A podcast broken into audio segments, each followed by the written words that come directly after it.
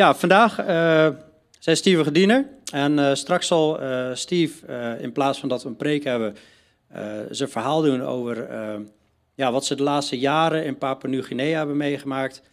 Um, ja, ik heb Gerdien leren kennen. In, we zaten vroeger in dezelfde kerk. Ik heb haar tot geloof zien komen en haar echt helemaal zien veranderen. En ten positieve. En bij, de, bij de Bijbelschool hebben Steve en Gerdien elkaar leren kennen. En Steve, ze zijn allebei uit, vanuit de wereld tot geloof gekomen. En dat is wel heel, heel bijzonder. En Steve was vliegtuigingenieur, hè, als ik het goed heb. Ja. En Gerdien als verpleegkundige. dus ze hadden allebei echt gewoon een hele mooie baan kunnen hebben en geld verdienen. En, maar ze hebben een andere route gekozen. Ze hebben gekozen om God te dienen, alles los te laten, naar Papua Nieuw-Guinea te gaan, midden in de jungle, een, een gemeente te starten met anderen. En ik heb een kort videootje. We, zingen vandaag ook wat minder liedjes, maar ik heb een kort videootje heeft Steven Gerdien hebben dat gemaakt. Het was eigenlijk bedoeld voor midden in de preek, maar we, laten hem nu al even zien. Um, dan kunnen de kinderen die straks naar de kidsclub gaan, die kunnen dan ook al een beetje een indruk krijgen. En dan kun je thuis even over verder praten.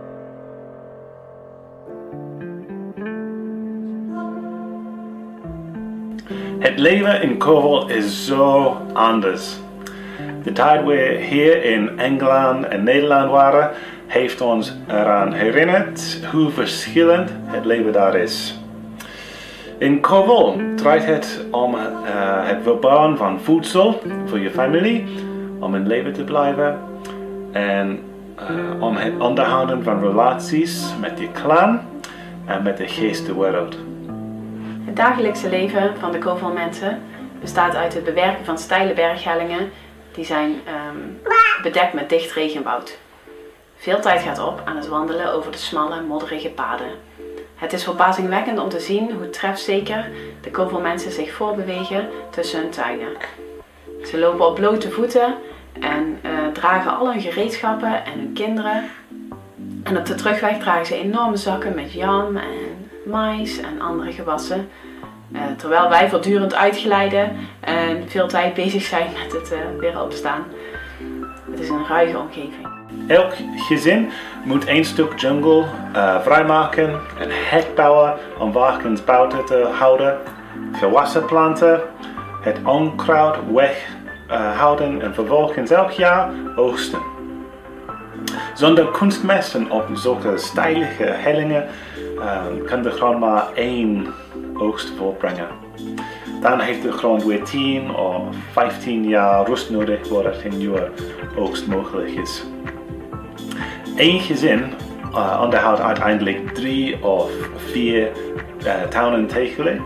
En die kunnen elk op een loopafstand van drie of vijf kwartier liggen. Het voelt voor mij alsof ze zodra ze klaar zijn met de oogst en genieten van hun voedsel, zij alweer uh, aan het volgende stuk jungle moeten beginnen. Onze vrienden zijn stoer, briljant en experts in het overleven ver weg van de bewoonde wereld. Ze wonen drie dagen lopen van de stad en dan gaan ze naartoe om hun vanillebonen te verkopen of om zout en kleding te kopen. En um, als hun kinderen naar school willen of als ze medische hulp nodig hebben. De kobolmensen hebben een eigen unieke taal. We schatten dat er ongeveer duizend mensen zijn die deze taal spreken. Maar binnen die taal zijn er ook nog eens drie verschillende dialecten, net zoals eh, Limburgs en Vlaams en Nederlands. De drie A4-stammen die aan Kovel grenzen, die uh, spreken ook allemaal een andere taal, net zo verschillend als Duits, Frans en Nederlands.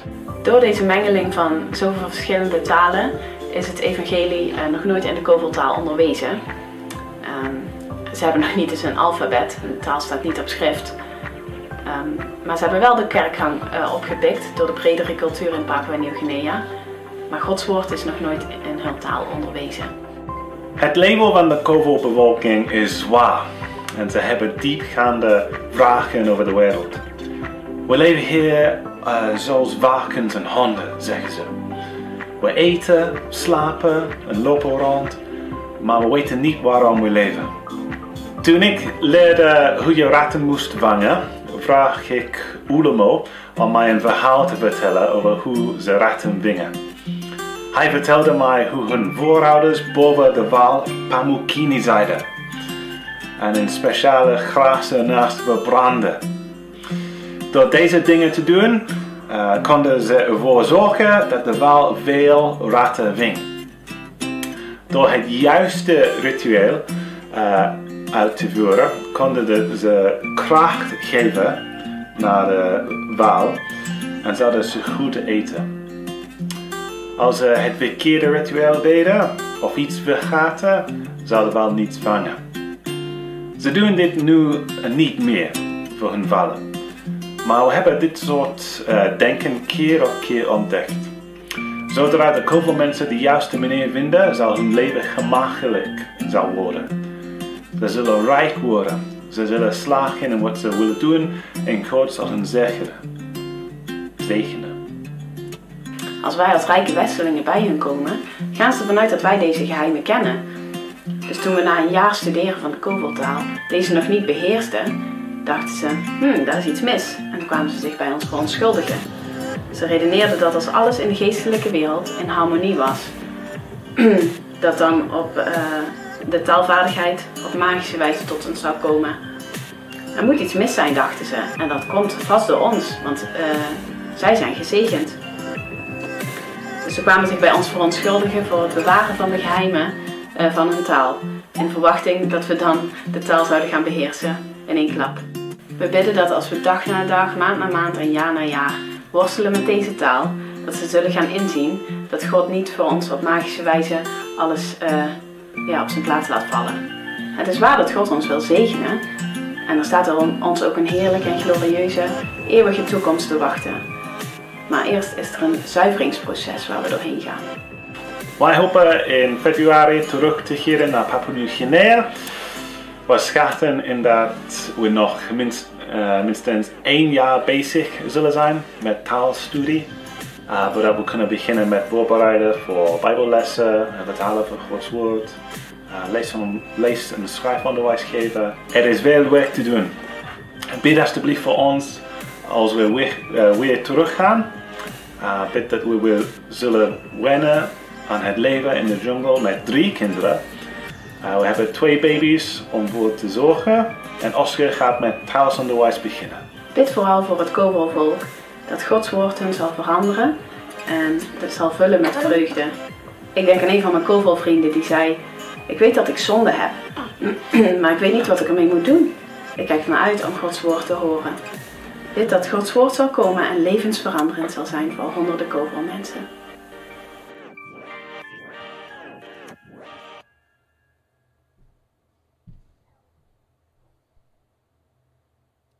Ja, mooi.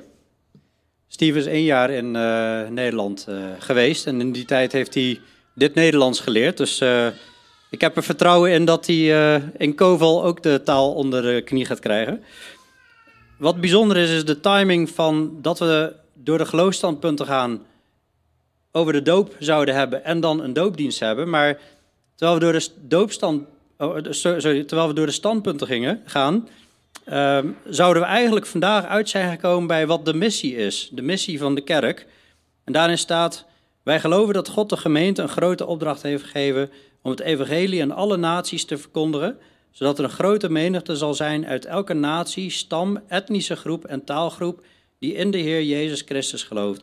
Ook geloven wij dat het onze opdracht is om hen alles te leren wat de Bijbel zegt en dat te doen en hen te dopen in de naam van de Vader, de Zoon en de Heilige Geest. Nou, ik kan geen beter getuigenis bedenken dan dat jullie hier nu op dit moment zijn. Ik heb dat niet getimed, maar Onno en ik staan elke keer weer versteld van hoe de, hoe de Heer de dingen samen laat komen. Maar uh, later zullen we nog wel uh, dieper he hebben over de missie. Maar vandaag in ieder geval gaat uh, Steve ons daar meer over vertellen. Steve gaat in Engels spreken en ik zal een poging doen om te vertalen. Ik doe dat niet zo heel vaak, eigenlijk bijna nooit. Maar ehm, ik heb jullie nodig. Als, als je af en toe een woord hoort en ik kom er niet uit, dan roep gewoon. dus dan uh, doen we het uh, samen. Goed. Dan, uh, zullen we kort bidden? Ja. ja. Hemelse Vader, Heer Jezus, Heer, ja, wilt u Steve zo zegenen, Heer, en wat hij zal zeggen, Heer, ja, wilt u hem kracht geven, Heer, wilt u ja, geven dat hij door uw geest geleid wordt, Heer. En dat zal zeggen wat u wil. In Jezus' naam. Amen. Amen. En ik denk ik kunnen wel beginnen met het Nederlands. Maar tijd, dat is lief van je. Ja, tijd ik moet uh, Bijbelles geven. Ik, het is een beetje te moeilijk voor mij in het Nederlands. Um, en mijn Nederlands is, hoe zeg je, een beetje rustig, rusty? Um, roestig, ja. Ja, ja. rustig. so, wij hebben in Eindhoven gewoond 2015. En daarna in 2016, we hebben de eerste keer naar Papua Nieuw-Guinea gegaan. Uh, alleen ik en Gerin, we hebben geen kinderen. En, we hebben... Oh, presentatie is weggegaan. We hebben een paar jaar in Papua Nieuw-Guinea iets voorbereid. Um, de doel uh, een stam in te gaan, um, Gods woord te delen. Uh, 2018, wij kwamen terug naar Engeland. Uh, Oscar was geboren. Um, hij is nu bijna vier jaar.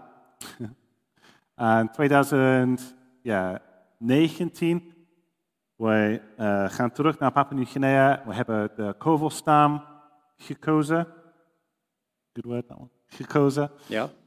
2019 we hebben de, uh, ons huizen gebouwd binnen met, uh, het Kovel-stam. Um, het is echt een uitdaging. Um, een lange weg van de uh, snelweg. Weg. de lange weg, ja. ja. Goed. ja. 2020, we hebben uh, all, uh, all of our families. Um, Al onze gezinnen. Ja, hebben binnen Koval gegaan. En, uh, we zijn druk met de taalstudie van de Koval mensen. En als je uh, iets in Koval willen zeggen, je kunt zeggen Unigom Billy. Dat betekent goedemiddag. Unigom Billy. Unigomli Mombili. Ja. Beli betekent goed. Ngomlimon is de tijd. Um, Samok Beli is, is morning. En zoiets, zoiets. Um, is veel, veel taal. Hier, we zijn in Papua Nieuw-Guinea, in uh, Goroka. En April, dit jaar, Alice en Millie geboren in Engeland. Um, woensdag hebben we uh, Engeland vertrokken. En nu zijn we hier in Nederland, december en eind januari. Ja, eind januari. Uh, we plannen met terug naar Papua Nieuw-Guinea te gaan. Maar we wait, wij wachten op een entry permit van Gerdien. Het een beetje papierwerk. En als dat goed is, we kunnen uh, weer gaan. Papua Nieuw-Guinea is dicht bij Australië. Is niet in Afrika, als some mensen uh, denken. Dicht bij uh, Australië. En wij zijn hier in de Madang provincie. provincie, provincie. En hier of zoiets is een berg, de Eidelberter Bergen. En de Kovelstam is hier. Dit is ons team. Ik en Gerdien, ik kom uit Engeland. Je kunt het wel horen, denk ik. Um, Gerdien is uit Limburg. Nederland, Limburg. Philip en Natalie. Natalie is een Duitse. Philip is vanuit de Faroe Islands. Faroe Eilanden. Ja. Ja. En Pamela Staus, Brett en Stacy vanuit uh, Amerika. En dit is ons team en nu ons werk is de taal leren van de Kovel mensen. So, het Kovel volk is uh, 1000 mensen. En nu, ik denk ik moet in het Engels gaan. Ik, wil, ik wilde bijna zeggen, zal ik gaan zitten? Oké. Okay. Nu, het vocabulaire is een beetje moeilijk. Oké, oké. Um, um, ik ben heel in de war nou, nu. Oké, okay, in English? Oké, okay, ja. Yeah. The Kovel people. Ja, yeah, the Kovel people. Ik kan ook in Tokpisen praten. uh, the Kovel people, uh, there are about 1000 of them. Ongeveer duizend mensen, een Kovelstam. And all around them are many, many different languages. There are about 840 languages in Papua New Guinea. Er zijn ongeveer 840 uh, talen in Papua New Guinea. Ja, echt veel. Hè? Echt veel. They speak uh, Tokpisin as the trade language, and so we can talk to them in Tokpisin, but it's not their heart language. Ze kunnen eh, met hen spreken in Tokpising, eh, maar het is niet hun eh, ja, hoofdtaal, denk ik. Moedertaal. Moedertaal, ja. Yeah. Um, so when parents are teaching their kids, they're always using the Koval language. Als eh, ouders hun kinderen onderwijzen, dan eh, gebruiken ze eigenlijk steeds de Kovel-taal. If they're playing football, they use Tokpisin. Als ze voetbal spelen, dan spreken ze weer Tokpisin. Um, and there are some ladies in Koval that are very not very good at all in Tokpisin, and they're a little ashamed uh, to talk to our, our wives in Tokpisin. Sommige vrouwen kunnen weer niet goed in eh Tokpisin spreken en ja, vinden het dan moeilijk om daarin in te spreken. So when we arrived first in Koval and we were investigating the language, we told them why we were there. We explained it, and we're fluent in Tokpisin, so we spoke in Tokpisin. We kwamen daar aan en eh, we spraken in eh Tokpisin en legden uit waarom ze daar gekomen waren. And we see a few people nodding; they're getting it. En we zagen wat mensen knikken, ze begrepen het. But after each time we spoke, someone would translate into Koval, and then we saw everyone's understanding now. Onder, ja, verder werd het vertaald en nu begrijpt iedereen het. eh. So when they really want to understand something, they use their own language, which only they speak. Als ze willen dat iemand echt iets begrijpt, dan gebruiken ze hun eigen taal die zij alleen spreken. So um, the gospel has never been taught in the Koval language. Het evangelie is nog nooit onderwezen in de Koveltaal. The Koval language doesn't have an alphabet or any written material of any kind. Ze hebben geen eh, alfabet, ze hebben geen schrift, helemaal niks. Um, but they have picked up some church going from the uh, surrounding culture. Ze hebben wel wat eh, kerktraditie eh, opgepikt van, uit ja, de culturen rondom. We'll talk about that in a bit, I guess. Um, so the Koval people live about 35, 30, 35 kilometers to the nearest road. De Kovelmensen wonen ongeveer 35 minuten eh, loopafstand van de dichtstbijzijnde weg. By road, I mean Oh, Gerdien zegt iets? 35 kilometer, dankjewel. Yeah. Uh, if you walk it, it's about 14 hours. It's about 14 hours, het is ongeveer 14 uur. eh, Ja. ja. And I can remember one of the, it's, it's mountains, you know. I, I remember one of the hills. Uh, it was climbing up a mountain for an hour and 20 minutes, where every next step was knee height or above. Ja, ehm, hij heeft wel eens eh, een uur en 20 minuten een helling moeten bewandelen waar eh, ja, je bijna elke keer een stap zo hoog eh, als tot je knie moest nemen, zeg maar. So at the end of the day, your knees feel terrible. Aan het eind van de dag dan eh, ja, heb je echt pijn in je knieën. yeah, even the Koval people are like, Zelfs de kovelpie, mensen die... eh, nou, ga ik niet nadoen. you're supposed to translate. Um, yeah, um, so, and that is just a gravel track. Sometimes cars can't get there if there's been a landslide or heavy rain. En dat is dan nog een eh grindpad. Op andere plekken kunnen ze niet komen. So to get to the main road, another day's hiking along that road, and then they can get a bus. It's three hours to town. Ehm, even kijken hoor. Eén dag lopen. Het duurt heel lang om tot de stad te komen. Yeah. yeah. Sorry, I cheated. So, um, their work is to grow the food to survive. Hun werk is eh, ja, gewoon eh, eh, voedsel, planten groeien om te overleven. So they grow yams, sweet potato, zoetaardappelen, banaan, ananas. Niet zoveel. Dat, Uh, popo? Papaya. papaya. Yeah. um, maize. Maize is in. Yeah, I like that. That's nice. Um, so all of their food is locally grown. Al hun eten wordt dus plaatselijk eh, gegroeid. They probably eat meat once every month or two.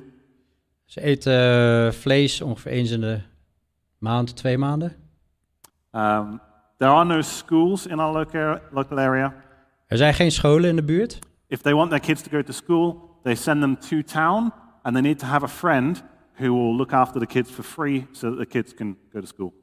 Dus als de kinderen naar eh, school moeten, dan moeten ze in dat, eh, eh, naar dat dichtstbijzijnde dorp. En dan moet er iemand ja, dus vrijwillig op hun kinderen passen. So most people have no education at all. We have a few people that have gone to grade two. Heel veel mensen hebben geen opleiding. Sommige mensen hebben klas 2 gehaald. Elementary school. Ja. Ja, basisschool. Um, there, are, there is no aid post or hospital where we are. Er is geen eh, hulppost, geen EHBO, geen eh, ziekenhuis. Yeah. Um, so if they want to, they do buy things. You'll notice that there's Elal wearing the um, the ancestral clothing. Ze kopen wel eh, spullen, eh, zoals die eh, man daar, volgens mij is een man, ja, die heeft wel ja, dingen aan van zijn voorouders, zeg maar. Yeah. You saw in the video they wear normal clothes as well. They buy those in town, bring them in. Ze dragen ook wel gewone kleren, die kopen ze dan in het eh, dorp. En die, eh, And so they, they grow vanilla as a cash crop, tobacco. ze groeien eh, eh, vanille en tabak. And once a year they'll sell that and they'll get 100, 150 euros for that. Dat kunnen ze weer verkopen en dan krijgen ze 150 euro. So that's their family budget for the year. Dat is een familie, een gezinsbudget voor, eh, voor het jaar. So they have to pay school fees, they have to pay hospital fees if they're going to use the medical care. Daar moeten ze ja, alle basisdingen dingen van betalen. So you get the idea. They, they have some access to town. And so we have some young people with phones. Ze hebben dus wat toegang tot een dorp. Er zijn wat mensen met, eh, jo- jongere mensen met eh, telefoons. They can buy a 20 kilo box of nails and then carry it on their shoulder into the village. Ze kopen een, eh, bijvoorbeeld ook een doos met eh, tw- 20 kilo aan eh, spijkers en dat dragen ze helemaal naar het dorp. But you, you get the idea. They don't have a lot. Maar ze hebben dus niet veel. Hè? Dat is even het idee wat hij wil geven. So if they're going to go to town and buy the essentials, they'll buy newspaper. Als ze naar het dorp gaan en ze willen echt eh, essentiële dingen kopen, dan kopen ze een eh, krant. And that's for rolling tobacco and smoking. Maar dat is om eh, tabak te, sigaretten te maken. Yeah, batteries for their torches, Batterij voor hun zaklampen, uh, salt, zout Yeah, um, those are the essentials, and lighters. en eh, aanstekers. Hè? Dat zijn een beetje de basisdingen. dingen. So they they don't have a lot, but they are um, they, yeah they are self-sufficient. They live off their land. That's what they eat. It's feast or famine. Ze zijn eh, zelfvoorzienend, hè? dus eh, het is of dit of eh, ja, ze hebben hongersnood. So our goal is to plant a church among the Koval people. Hun doel is om een kerk te planten te midden van de Kovel-mensen. And this means more than just Bible teaching and then off we go again. Dit is meer dan alleen maar even de Bijbel leren en dan nou, zijn ze weer weg. We, well, first we need to translate the Bible because it's never been put into the Koval language before. We moeten eerst de Bijbel vertalen, want de Kovel-stam heeft helemaal geen Bijbel. They can't read, so we need to teach them to read and write. Ze kunnen niet lezen, dus ze moeten leren om te lezen en te schrijven. And so we're going to start with that, and then we'll start with an evangelistic Bible teaching thing that's going to take three months. Dus daar beginnen ze mee en dan gaan ze op een gegeven moment beginnen met een eh, drie, vier maanden ja, evangelie-onderwijzing. But our final goal is to pass it on to them. So even at this, the early, the first teaching stage, people who have learned to read and write will be asking them, "Can you read the verses?" Ja, eh, hun doel is eh, oeh, eh, a big dat ze het zelf gaan doen en eh, dat ze het overdragen, eh, even vrij vertaald hoor. En dat eh, ja, ze in de tussentijd dus eigenlijk al mensen zo snel mogelijk al vragen bij de eerste onderwijs al, hey, kun jij dat eens voorlezen? Once we've taught the gospel for the first time, we, there aren't really believers in Koval, so we, we have no one to work with right now. Er zijn niet echt eh, gelovigen in Kovel, dus ze hebben niet echt eh, mensen al om mee eh, te werken. But our goal is that we only need to teach once. Het doel is dat we het uiteindelijk één keer ja, ja, goed onderwijzen. And then we will train up Koval Bible teachers who will be able to take over. En dan gaan ze ja, leraren opleiden die het uiteindelijk eh, over gaan nemen. So we're going to start with a big public ministry of us teaching probably the entire people group. Dus ze willen één keer een, eh, eh, ja, een publieke onderwijs, onderwijsperiode gaan geven. But then we want to identify faithful, teachable men who we can start training as potential elders. En dan vanuit daar willen ze kijken van ja, wie zijn potentiële ouderlingen, leraren die ze dan verder kunnen gaan onderwijzen. So that's our, that's our goal. Dus dat is het doel. Dat is wat ze voor ogen hebben. Um, and the spiritual background in Koval, De spirituele, geestelijke achtergrond in Kovel. they've been asking for missionaries for 10 years. Ze roepen al tien jaar, vragen al tien jaar of er zendelingen kunnen komen. Next door to them in the Pal tribe, um, missionaries have already been. In de Pal-stam, daar zijn al zendelingen eh, actief, of zijn er geweest. Yeah, 10 or 12 years ago. And the Koval people have been seeing what's happening. They see the church in Pal, and they want that. 10 tot 12 jaar geleden is dit gebeurd en de Kovel-mensen hebben dit gezien. En dit is wat ze ook willen. Ze hebben een kerk geplant zien worden en dit is wat ze ook willen. So they are hungry for God's word, but there's two different reasons for that. Dus ze zijn echt hongerig naar Gods woord, maar er zijn twee redenen waarom ze hongerig zijn daarnaar. There are people who are genuinely hungry to hear God's word, like the friend Yeri mentioned in the video who had sin and didn't know what to do with it. Er zijn mensen die oprecht honger hebben naar Gods woord, zoals eh, een, een vriend- vriendin van Gerdien die benoemde ze heeft zonde, maar ze weet niet wat ze ermee moet doen. So there, there are people that genuinely have a desire to hear God's word. They know they have sin, they want that sin dealt with. Dus er zijn mensen die oprecht ja, honger hebben, eh, beseffen dat ze zonde hebben en, en daarmee willen dealen. But perhaps the main group of people want to hear God's word because they think it will make them rich. Maar een groot deel van de mensen wil eigenlijk Gods woord horen, omdat ze eh, denken dat het hun rijk zal maken. Um, the Koval people are deep down animistic. They believe if they do the right things, life goes well for them. Animistic, eh, Animisme. wat zou dat zijn? Animisme, oké, ja. Dus dat. eh, eh, can you repeat your sentence again? Uh, no, de I've animistic. forgotten. Oké, de animistic. So, just like the trap, they had to do the right things so that the trap would catch meat. Net als in die val die je zag in de video, je moet de goede dingen doen en dan eh, zullen ze eh, ja, de- het vlees vangen. On the flip side, if you don't do the right things, then bad things happen to you. Als je niet de goede dingen eh, doet, geloven ze, dan zullen de slechte dingen je overkomen.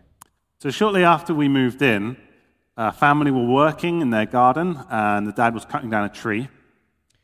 Dus toen we daar net binnen waren en eh, eh, was iemand in de, eh, de tuin aan het werk en was een boom aan het neerhalen. The tree came down, the tree rolled down the mountain, and the tree pinned an eight year old girl between it and another tree on the thigh. Ja, dus een boom viel om en die rolde van de heuvel af en eh, raakte een meisje en die raakte bekneld. Zoiets. Dus, Ja. ja. So, crushed her leg and uh, just snapped the, the, both thigh bones. ja, het verbrijzelde haar been en eh, ja, heeft ook eh, beenderen, eh, benen, eh, botten gebroken. So, we arranged for a helicopter to get her to the hospital. Dus zij hebben voor een helikopter gezorgd. Um, she's, she's fully recovered now. This was eight, two years ago. Ze is volledig hersteld. Dat was eh, twee jaar geleden. So, we're, we're really grateful to see her walking around. That's very encouraging. Het is mooi om haar te zien rondlopen weer, dat is bemoedigend. But the night before the helicopter came, the family said to us, We have to eat with you. De avond voordat de helikopter kwam, zei de familie, we moeten met jullie eten. Uh, we'd already eaten, so we weren't very keen on having another meal. Ze hadden al gegeten, dus ze hadden, ja, zaten niet te wachten op nog een maaltijd. But they were insistent, no, we have to eat with you. Maar ze bleven aandringen, nee, we moeten met jullie eten. So he asked one of the old men, Dus we vroegen een van de oudere mannen. and he said, uh, When you moved in, every village had a thank you meal with you. Toen jullie ehm, ja, zeg maar in het dorp kwa- kwamen wonen, in de stam kwamen wonen, hadden, had elke stam een, een bedankmaaltijd met jullie. But we didn't, and that's why this has happened. Maar wij hebben dat niet gedaan met jullie en daarom is dit gebeurd. So, this is animism the belief that the spiritual world is there to be manipulated, and if you're skilled at doing it, then you can be materially successful. Dus dat is animisme, hè, dat je de geestelijke wereld eh, kan beïnvloeden eh, door eh, dingen te doen. En ehm, ja, dat geloof ik. Ja.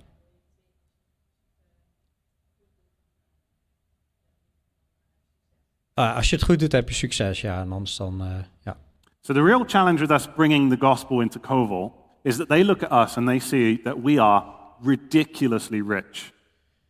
ja ehm, ze zien hun eigenlijk als mensen die echt belachelijk rijk zijn. So, they, they reason to themselves the missionaries know the secret. Ze denken bij hunzelf, die zendelingen, die, die hebben het geheim. We know how to twist God's arm into making Him give us what we need. Wij weten hoe we God moeten bewerken eh, om eh, te zorgen dat Hij geeft wat we nodig hebben. So that's the second reason people want to hear God's word taught from us. Dus dat is de tweede reden waarom er mensen zijn die het woord van God van hun willen horen. Because they think we are sinners, and they think because we're poor. Ehm, The reason we're poor is because we're sinners. oh ja, zij denken dat zijn, zij arm zijn omdat zij zondaars zijn. If we can deal with our sin, well, God will bless us and we'll be like the white man, is what they say. Ja, als we ehm, kunnen dealen met onze zonde, dan zal God ons zegenen en dan zullen we als de blanken zijn. Dus heel erg rijk. So we have a huge challenge coming into Koval. How can we teach them God's word so that they understand it when they're always wanting to read between the lines to get the secret? Dus de uitdaging is erin dat eh, ja, ze de boodschap goed willen brengen, zonder dat deze mensen tussen de regels door eigenlijk hun wil zullen lezen. Zeg ik dat goed? Zo. Sorry? Ze willen het geheim weten, ja. ja. And so it's not uncommon in Papua New Guinea to have churches that have been well taught, Eh, het is niet heel gebruikelijk dat er kerken zijn die goed onderwezen zijn. missionaries have gone through the whole New Testament, Er zijn zendelingen die door het hele Nieuwe Testament zijn gegaan. but the people are waiting. When we get to the book of Revelation, that's the end. That's when the secret's going to come. Ze denken, wacht maar tot we bij het boek Openbaring komen. Dat is het einde en, en dan, dan komt het geheim naar boven. So we are constantly going to be wrestling against this false idea that God just wants to pour money from the heavens on them. Dus daar zullen ze steeds mee moeten worstelen met dit idee. Hè, dat ze verwachten dat eh, God eh, het geld uit de hemel op ze neer gaat laten storten. So the people are very, they want to be Christians. De mensen willen wel eh, echt christen worden. But for most of them, in the back of their mind, they, they think that because Christian means rich. Maar ze willen dat graag omdat ze denken, ja, christen zijn betekent rijkdom. So that's, yeah, that's going to be a real challenge. Dat wordt een enorme uitdaging. In the 1950s, the Lutherans were in the area. In 1950 zijn de Lutheranen, eh afstammelingen, ja, in, in, die, in dat gebied geweest, An- lang verhaal. Yeah, a, a German Lutheran missionary hiked around our area and preached in lots of different language groups. Een Duitse Lutheraan heeft in heel veel eh, taalgebieden gepredikt al. He used Hij gebruikte Tok Pising. And our people received it. They were all baptized. Onze stam heeft het aangenomen. Mensen hebben zich laten dopen. They burned their bows and arrows and wooden armor. Ze hebben hun eh, pijl en bogen en eh, wooden armor, eh, hun houten wapens verbrand. And they said, We've left Satan's family now, we're in God's family. En ze hebben gezegd, we hebben Satans familie verlaten en nu zijn we in Gods familie. But there was never any follow up teaching. Maar er was nooit een opvolging in het onderwijs. So there's 50 years ago, there were baptisms, but no one's taught God's word since. Dus 50 jaar geleden waren, eh, zijn er eh, ja, mensen gedoopt, maar er is dus helemaal geen vervolg geweest op het onderwijs. So that's just all the background of, Dat is de achtergrond Ja. van waar zij in zitten. yeah. So we moved in, and 2020 we started learning their language. In 2020 zijn ze begonnen met de taal te leren. And I might be about halfway, Ik ben ongeveer op de helft. but the other half seems bigger than the first half. The Maar- second half seems bigger than the first. De, de, de tweede helft lijkt eh, groter te zijn dan de eerste. En mensen die een taal moeten leren, zie ik nou lachen. So we, we have maybe a year, a year and a half more of language study. We hebben nog anderhalf jaar eh, taalstudie.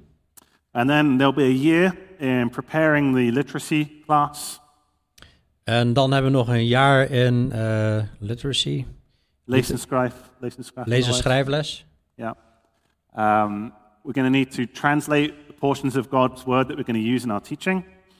Ja, we moeten dingen uit Gods woord vertalen die we nodig hebben in ons eh, onderwijs. and prepare our Bible lessons. Onze bijbelles voorbereiden. So if we're very fast and everything goes well, maybe in the end of 2024, we might be ready to teach them the gospel. Dus als het heel snel eh, gaat, eh, zou het mogelijk kunnen zijn dat we in, eh you say end 2024? And En eind 2024 eh, ja, ze het evangelie kunnen gaan uitleggen. yeah, a big job. Dat is een hele grote klus. Um, one of the challenges being in Koval is just how popular we are. Een van de uitdagingen in eh Kovel is dat eh, ze ontzettend populair zijn. Outside our house, on most days, are people just sitting there waiting to talk to us. Mensen zitten eigenlijk eh, buiten hun huis, eigenlijk gewoon eh, te wachten om met hun eh, te praten. And that is really good for language study. Dat is wel heel goed om de taal te leren. But when you go outside, 8 o'clock in the morning, oh, there's so and so, he's hiked two hours to come and see me. Maar s ochtends eh, om acht uur zit er soms al, eh, zit er soms al iemand die al twee uur gewandeld heeft, gehiked heeft om hem te komen zien. So you sit and you talk for three or four hours. Dus je zit en je praat voor drie of vier uur. Wow, Your head is just completely mush. je hoofd explodeert. that klopt. you go inside to have a break, have lunch. Dan ga je even lunchen, even een pauze houden. You go to put the kettle on, Doet de ketel aan. water koken. You look out the window, and there's someone else from th- hike two hours away to come En and dan see zit de volgende al klaar, die ook weer een hike heeft afgelegd. You very quickly realize you don't have the energy to give people the time they want. Heel snel kom je er al achter, ja, ik heb gewoon niet eh, de energie om mensen te geven wat ze willen. And it's exhausting just always having people outside your house waiting for you. En het is echt eh, vermoeiend ja, om altijd mensen buiten je huis te hebben zitten wachten. Even, you know, going outside to throw the rubbish in the hole, everyone wants to see. Zelfs al wil je even gewoon eh, naar de hal eh, of zoiets. In ieder geval naar de vuilnis om je rommel weg te gooien, dan willen ze dat al bekijken. We often see a lot of medical cases as well. We zien heel vaak eh, medische gevallen, ziektes, Uh, lots of babies falling into fires. baby's die in het vuur vallen, gebeurt ook. Um, the guy in the middle has yours, a disease. You don't need to translate that. um, De man in het midden is ook erg ziek. uh, all he needs is actually just one injection, and that will fix him. Wat hij eigenlijk nodig heeft is één injectie en dan is hij eh, ja, eigenlijk genezen.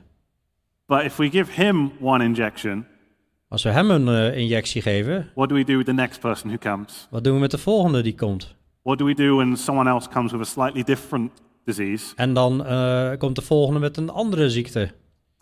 For the babies falling in the fire, it's not life threatening uh, unless the, it gets infected, which happens very quickly, very easily. Ja, baby's die in het vuur vallen, ehm, het is niet altijd direct levensbedreiging, tenzij er infecties ontstaan. But if we want to get involved and help, we have to put uh, cream on, put a dressing on, Ehm, als je echt wil helpen, dan moet je eh, ja, crème erop doen en eh, behandelen. and then you need to do that every day for the next two weeks. En dan zouden ze dat elke dag moeten doen voor de komende twee weken. Take 40 minutes because everything in Papua New Guinea is slow. Duurt 40 minuten, want in Papua Nieuw-Guinea gaat alles heel langzaam.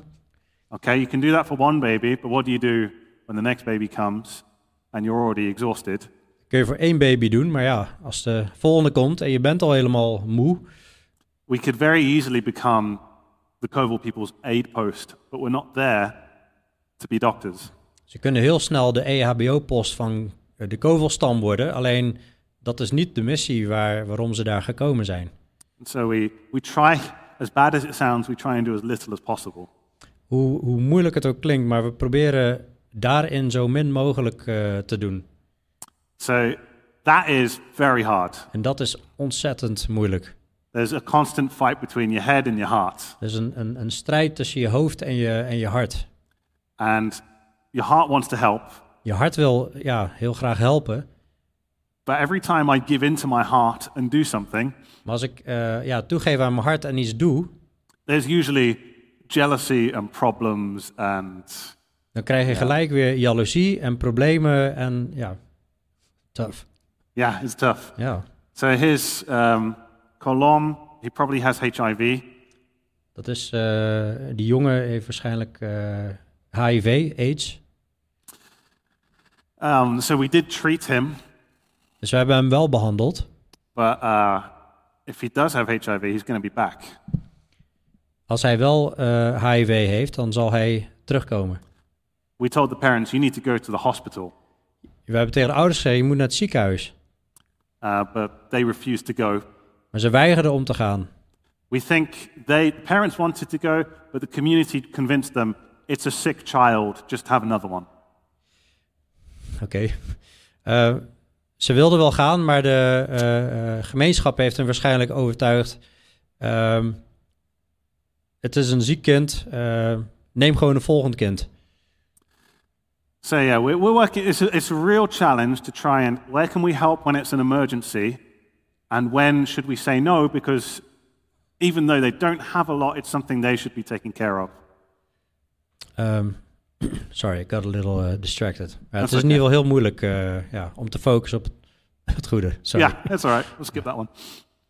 Um, last week, La- eh, vorige week. vorige week, um, a guy chopped his hand off. Vorige week heeft iemand zijn hand eraf gehakt. Right there. Zo ongeveer. Ja. So they put a leaf on it. Ze hebben een blad erop gedaan. Um, we arranged to get a, for a helicopter for him.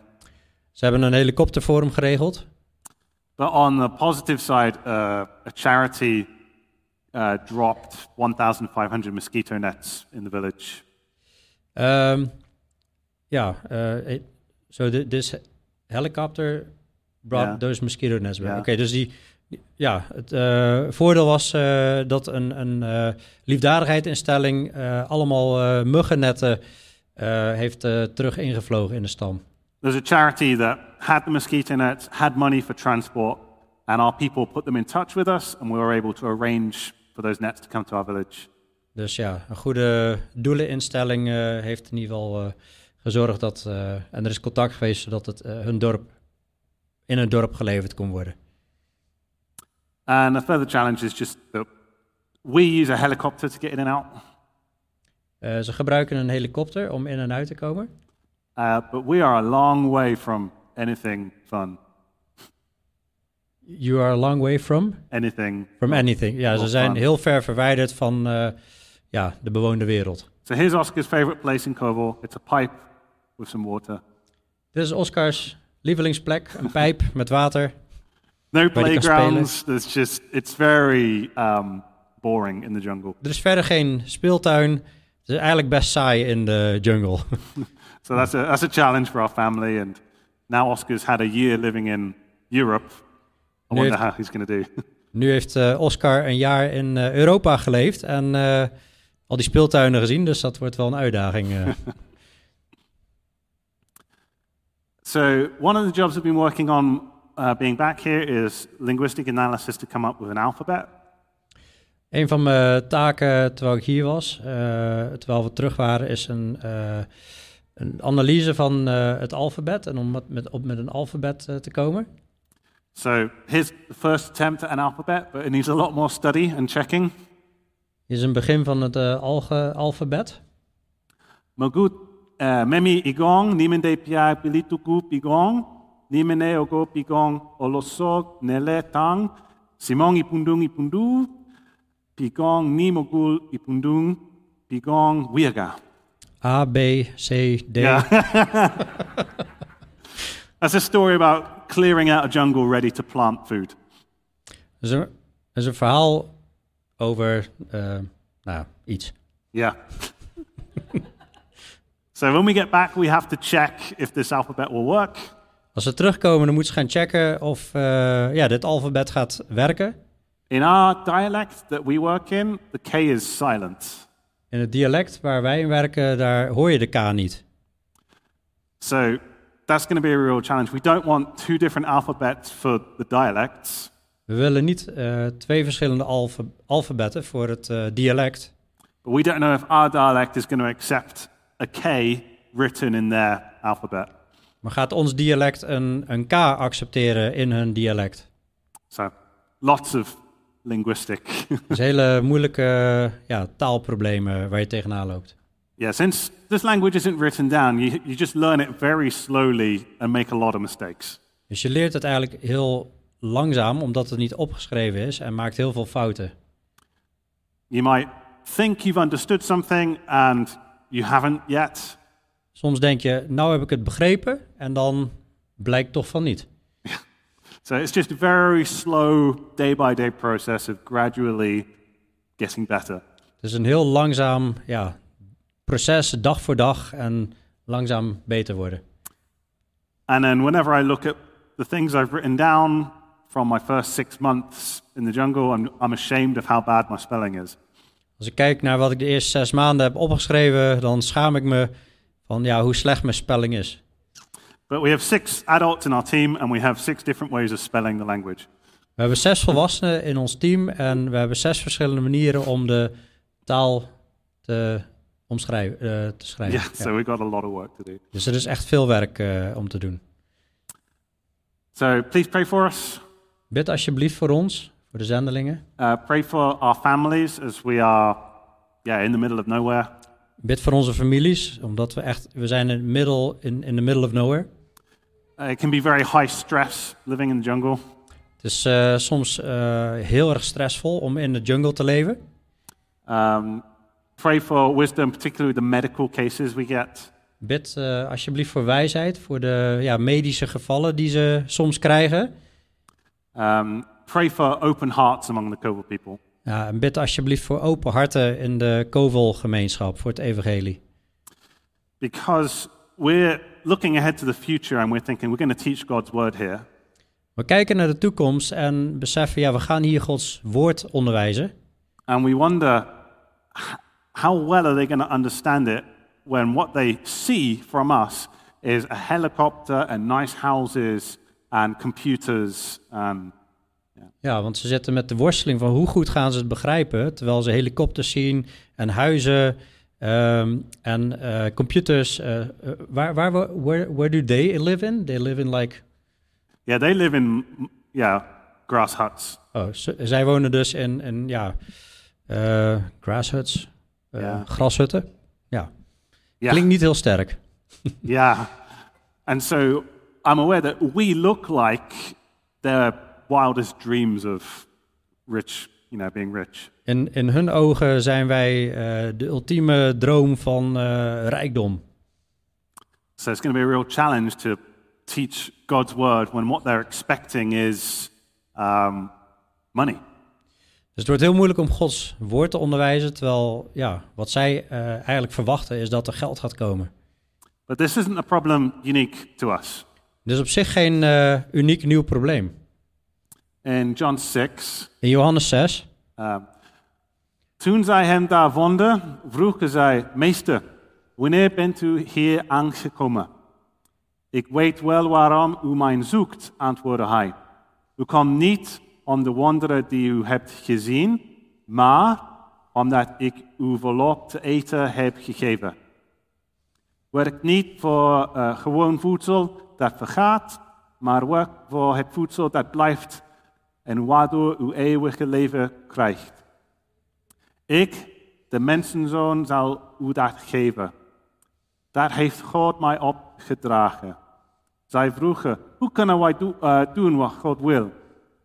Je Jezus antwoordde, u moet, u moet in mij geloven. Dat is de wil van God, want ik ben door hem gestuurd. I need to translate that. Just my accent, maybe. um, yeah. The Lord Jesus was misunderstood. De Heer Jezus werd ook niet goed begrepen door mensen. The people expected him to be a king who would get rid of Rome. Mensen verwachten een koning die hun verlossen zou van Rome, van de Romeinen. They expected a golden age for Israel. Ze verwachten een gouden tijdperk voor Israël.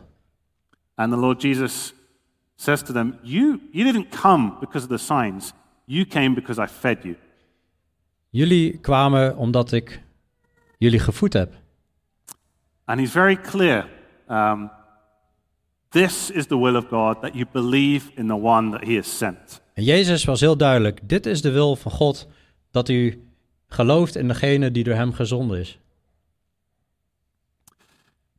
Ik ben het levende brood dat uit de hemel is gekomen. Wie uh, van dit brood eet, zal altijd blijven leven. Het brood dat ik voor het leven van de zal geven, is mijn lichaam. De Joden kregen hierover ruzie onder elkaar. Hoe kan hij ons zijn lichaam te eten geven, zeiden ze. Ik zeg het nog eens, zei Jezus. Als u het vlees van mij, de uh, mensenzoon, niet eet en mijn bloed niet drinkt, is er geen leven in u. Now, what I find amazing about that is that Jesus has been misunderstood. Wat ik bijzonder vind is dat ja, Jezus dus eigenlijk verkeerd begrepen was. And he didn't go out of his way to correct the misunderstanding. Maar hij ging uh, het niet uit de weg om, de, om de, ja, het verkeerde begrip te corrigeren. Te... In fact, he said things controversial to cause people to fall into two camps. Hij gaf eigenlijk ja, controversiële dingen, waardoor mensen eigenlijk in ja, twee kampen uiteenvielen. He said controversial things so he could split them between the people who wanted to hear God's word and the people who wanted to use God to get what they wanted. Door zijn woorden kwam er een kamp tussen mensen die echt Gods woord willen, wilden horen en een kamp uh, ja, van mensen die Gods woord wilden gebruiken om tot hun doel te komen. And I find the way Jesus works here very surprising. It's not what I would have done. Het is bijzonder hoe Jezus hier werkt. Dus misschien niet direct wat ik zelf zou hebben gedaan. I would have been, no, no, no, you misunderstood me. Let me, let me say it again. Jezus zou zeggen, of, of ja, um, Steve zou zeggen, van, oh, ik zou misschien eerder gezegd hebben, oh, je hebt me verkeerd uh, begrepen, laat ik het nog eens een keer zeggen. Jesus actually caused a fight. Maar Jezus veroorzaakt hier eigenlijk een, een, uh, een strijd. Because he knew there would always be resistance for sinful people to accept God's word. Want hij uh, wist dat er altijd weerstand zou zijn voor ja, mensen om uh, het woord van God aan te nemen. And his response to that was just to teach God's word. Zijn reactie hierop was eigenlijk om gewoon Gods woord te onderwijzen. Vanaf dat moment gingen uh, veel van zijn leerlingen niet meer met Jezus mee. Zij wilden niet meer met hem te maken hebben. Willen jullie soms ook weggaan? vroeg Jezus aan de groep van twaalf. Simon Petrus antwoordde: Naar wie moeten wij toegaan, heren? U spreekt woorden die eeuwig leven geven. Wij geloven en weten dat u de zoon van God bent. Amen. We're expecting in Koval that everyone is going to be absolutely delighted to hear the gospel for the first time. Wat we verwachten is dat iedereen de eerste keer eh, ja, helemaal enthousiast zal zijn wanneer ze het evangelie gaan horen. But eventually, they're going to realize this isn't the road to riches. Maar uiteindelijk gaan ze ontdekken, dit is niet de weg naar rijkdom. The Jews in Jesus' day were expecting an Israelite golden age. De Joden verwachten dus een gouden eeuw voor Israël. They wanted a king to overthrow Rome. Ze wilden een koning die de Romeinen zou overwinnen. And Jesus didn't indulge them, he just taught God's word. Maar Jezus onderwees gewoon Gods woord. Because far more important than our material comfort and blessings Eh, veel belangrijker dan onze comfort en materiële zegeningen is our spiritual life with God. is ons geestelijke leven met God. Um, zij vroegen, hoe kunnen wij doen wat Go- God wil? Jezus antwoordde, u moet in mij geloven, dat is de wil van God. Want ik ben door hem gestuurd. And that's what we want for the Koval people. We want them to believe in the Lord Jesus Christ. Wij willen, dit is wat wij voor ogen hebben voor de kovelmensen, dat zij zullen geloven in Jezus Christus. As we live with them, we, they're our friends, we want to help them. Terwijl we daar leven, eh, zijn er vriendschappen en we willen ze helpen. I daydream about setting up vanilla selling businesses so I can give them more money. Ik denk soms wel eens aan het opstarten van een vanillebedrijf, zodat ik ze meer geld kan geven. But God's will for them is that they believe in the Son that God has sent. Maar Gods wil voor hun is dat zij geloven in de Zoon die gezond is. And there is eternal joy for them if they do. En er is een eeuwige blijdschap wanneer ze dit zullen doen. And that eternal joy will actually bring joy, joy into their um, physical life as well. En die blijdschap zal uiteindelijk ook eh, blijdschap in hun fysieke wereld brengen. But not the, uh, the riches they're, they're hoping for. Maar niet, de wel, niet het welvaartsevangelie. Ja. Je kan wel voor deze mensen bidden. Ulamo. Uh, hij was de man uh, dat over de val heb ik geleerd. Eh, jullie kunnen voor Ulemo bidden. Ik heb van hem eh, geleerd hoe je een val moet zetten voor de ratten. I'll stick to English. If you translate my Dutch, it's bad. Oh, Um, sometimes I don't even realize when you speak Dutch. Kavaluku is one of our landowners. Um, you can pray for him. He's like an action man. He loves to go hunting and look after us. Dat is een actieman, een jager, daar kun je ook voor bidden. Um, Silas is. A very intelligent guy. He's the father of the girl who had her leg crushed. is de vader van het meisje, van wie het been verbrijzeld was. Een hele intelligente man. And we can tell he has a real desire to hear God's word. Hij heeft, hij heeft echt een verlangen om Gods woord te horen. So pray for him. He could well be a leader in Dit the zou- future church. Dit zou best eens een leider kunnen worden in de toekomstige kerk. En als je meer wil weten, je uh, naar ons uh, website kijken. Uh, ons nieuwsbrief is elke maand in het Engels en het Nederlands. En ga naar slash subscribe. Je kan uh, het get. Ja, je kunt je daar eh, inschrijven voor de nieuwsbrief en dan eh, ja, krijg je de maandelijkse update. Thank you. Yeah. Um, um, when we're back in Kovo, we'll start doing a weekly blog again and it'll get translated into Dutch. Ja, later gaan ze weer, eh, als ze één keer in de routine zetten, een wekelijkse blog eh, ook geven. Ja. Heel interessant overigens. And uh, we'll be here next week as well. Oh, praise the Lord. Yeah. so, Volgende week zijn ze er ook weer, dus dat, eh, ja. so we're, we're here for a few months, so uh, a month or two. We'd love to spend time with you guys, get to know you. Dus ik vind het fijn om hier vaker te komen en komende maand, ja, in ieder geval om eh, ons ook beter te leren kennen. Dus dat, eh, en dat is wederzijds. We like to get to know you better also. So, eh, oké. Ja, bedankt voor jullie understanding, jouw, uh, jullie bidden. En Ja, Graag gedaan. Ja. Um, that's uh, really impressive, Steve. I mean, I know about what you guys are doing.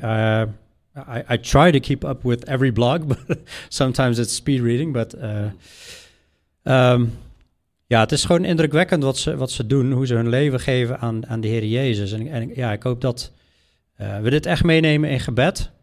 Um, maar niet alleen, niet alleen dat, maar ook gewoon ja, het is ook eens reflecteren naar ons eigen hart van... Als je kijkt hoe zij alles hebben opgegeven. Oké, niet iedereen hoeft alles op te geven, maar je mag altijd onderzoeken van...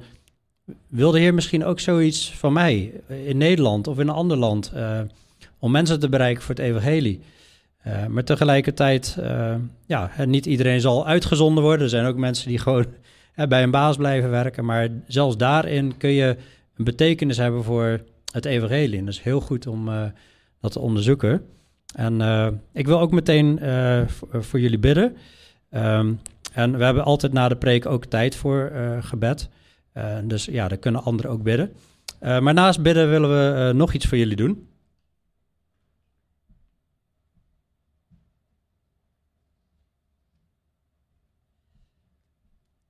Ik ga even iets in het Engels, Engels voorlezen. Um, Dear family Stanley, with this check, we want to encourage you as a church family to go and make disciples everywhere you go. You're a great encouragement to us. Your perseverance, faith, courage, and sacrificial love are a great example to other believers. We know it's all by God's grace that you are even able to do what you do, and we will continue to pray for you as you go on with your ministry in Koval. May the Lord keep you and bless you, encourage you, protect you, and sustain you. May you keep growing in faith and live a life that glorifies the Lord with love. Huis van God. Ik zal de vertaling wel in de app zetten, maar.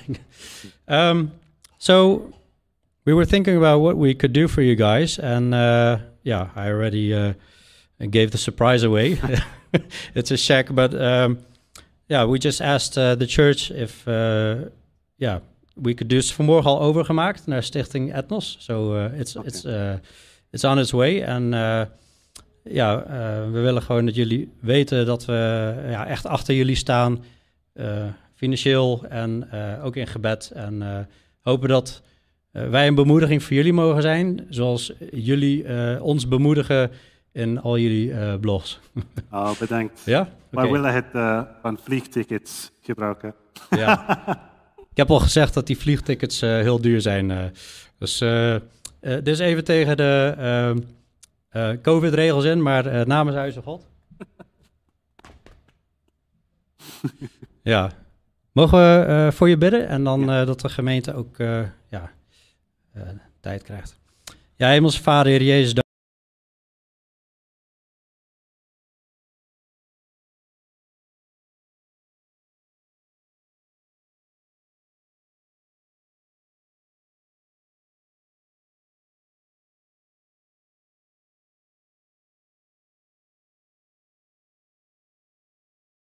dank alstublieft ook uh, leiders geven in, uh, in de Kovelstam.